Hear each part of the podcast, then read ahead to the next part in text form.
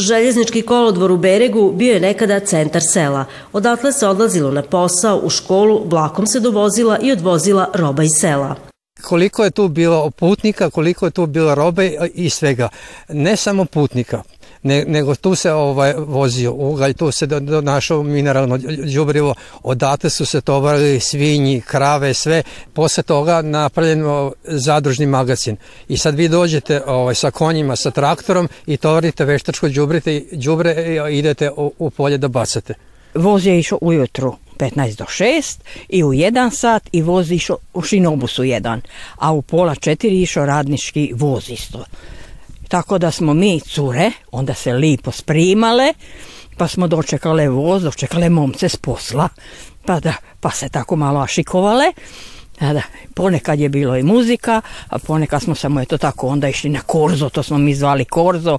U Somboru je bilo puno o, fabrika, tako da je dosta naroda išlo raditi iz Baškog brega.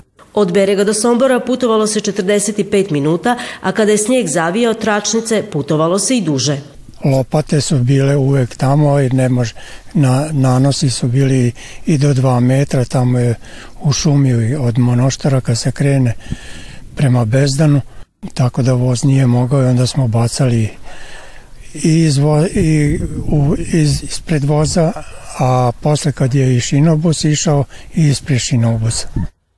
Pruga Sombor-Bereg jedna je od 15 pružnih pravaca koji će u naredne dvije godine biti demontirani. Ukupno će biti demontirano 400 km neaktivnih pruga u Vojvodini i još 35 km u Srbiji. U poduzeću Infrastruktura željeznice Srbije kažu da će biti prodato više od 25 tisuća tona tračnica. Sa ovih pruga biće skinuto i 350 tisuća željezničkih pragova koji predstavljaju opasan otpad. Gledate paletu. Izbor iz emisija na jezicima nacionalnih zajednica.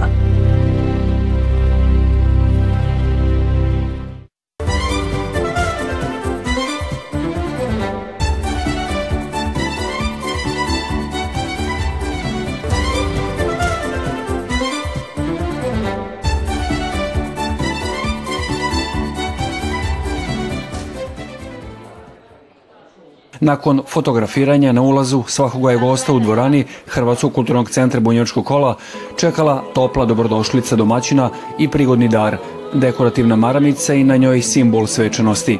Jako mi je drago što smo uspeli organizirati veliko prelo ove godine, jer to je naša tradicija, to je ono što trebamo čuvati, to je ono što trebamo ostavljati svojim budućim naraštajima. Po uzoru na prvo veliko prelo održano 1879. i ovo je pokladni skup otvoren interpretacijom pjesme Kolo igra, tamborica svira, a potom i momočkim kolom.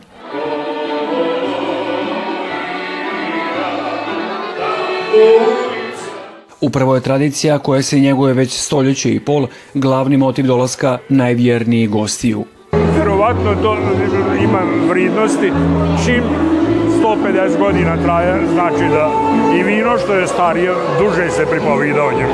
Ovo je jedinstvena prilika da se porazgovaramo, da razmijenimo iskustva, da se družimo, a svakako uz to, to svakako ide i dobra kapljica i dobar zalogaj.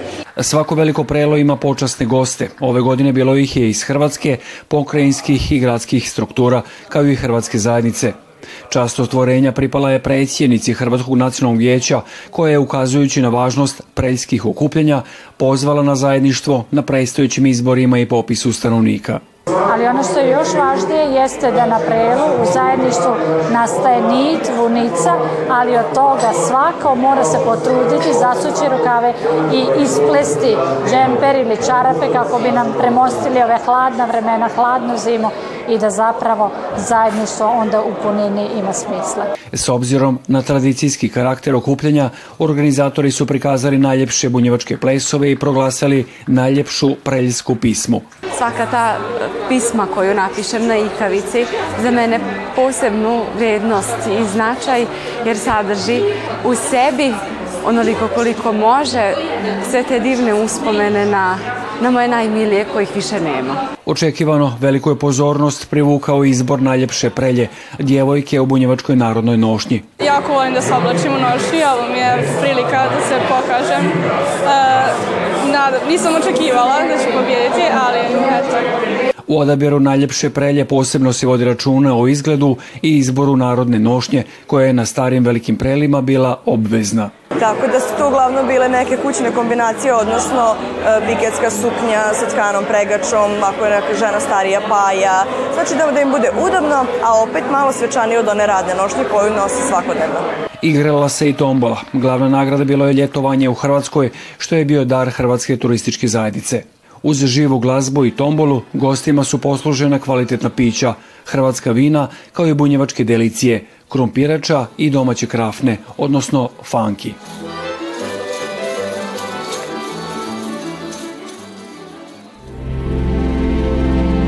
Gledate paletu.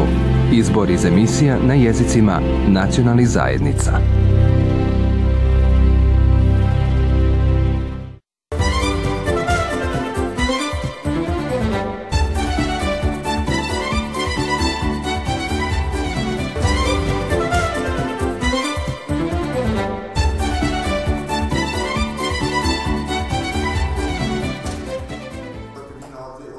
Tribina pod nazivom Status Hrvatske nacionalne manjine održana je u prostorijama i u organizaciji fondacije Antun Gustav Matoš, a u okviru projekta Osnaživanje Hrvatske zajednice u Beogradu. U tribini učestvuju ispred veleposlanstva gospođa Maja, gospođa Maja Bogdan koja je moderator, gospodin Stjepan Glas i ispred Evropske komisije učestvuje gospođa Nadija Ćuk. Nažalost, Darko Paštovanović ispred HNV-a je se razboleo juče i ne može da učestvuje, tako da ćemo tribinu raditi bez njega. Želimo da, da potaknemo ljude da razmišljaju o tome kakav je naš status trenutno, posebno ovde u Beogradu i šta možemo uraditi da poboljšamo. Mi smo to već krenuli da radimo fondacija sa mladima, imamo sastanke sa mladima i pokrenuli smo da vidimo kako možemo da ih uključimo, koje projekte možemo da napravimo sa njima. Oni su puni ideja i to, me, to mi je jako drago. Već nekoliko projekata, tri ili četiri imamo koje možemo da osmislimo. Zatim smo imali juče i sastanak sa intelektualcima. Nije ih došlo puno, ali su voljni da se uključe, imaju ideje kako, i uh, koje projekte možemo da napravimo sa njima. Znači, to je nešto što, čime bismo mi pokrenuli druge Hrvate u Beogradu. Imaćemo i utorak snimanje za radio televiziju Srbije, za emisiju Građanin, što isto će nam značiti da idemo i na druge medije, da, da se pokažemo u javnosti u Beogradu, da nas gledaju. Drago nam je što vaše emisije koje vi imate prenosi televiz, Hrvatska televizija, jer po nekom, nekoj evidenciji 20% ljudi u Srbiji, znači ne Hrvata, nego 20% ljudi u Srbiji gleda te emisije. Znači što više da budemo sa što pozitivnijim um, izlascima u javnost želimo da prikažemo kako Hrvati ovde normalno žive, šta je sva baština što su je ostavili ovde u samom gradu i to nam je cilj. Tribini su nazočili predstavnici beogradskih i zemunskih hrvatskih udruga, kao i predstavnice Hrvatskog nacionalnog vijeća Nataša Stipančević i urednica tjednika Hrvatska riječ Zlata Vasiljević.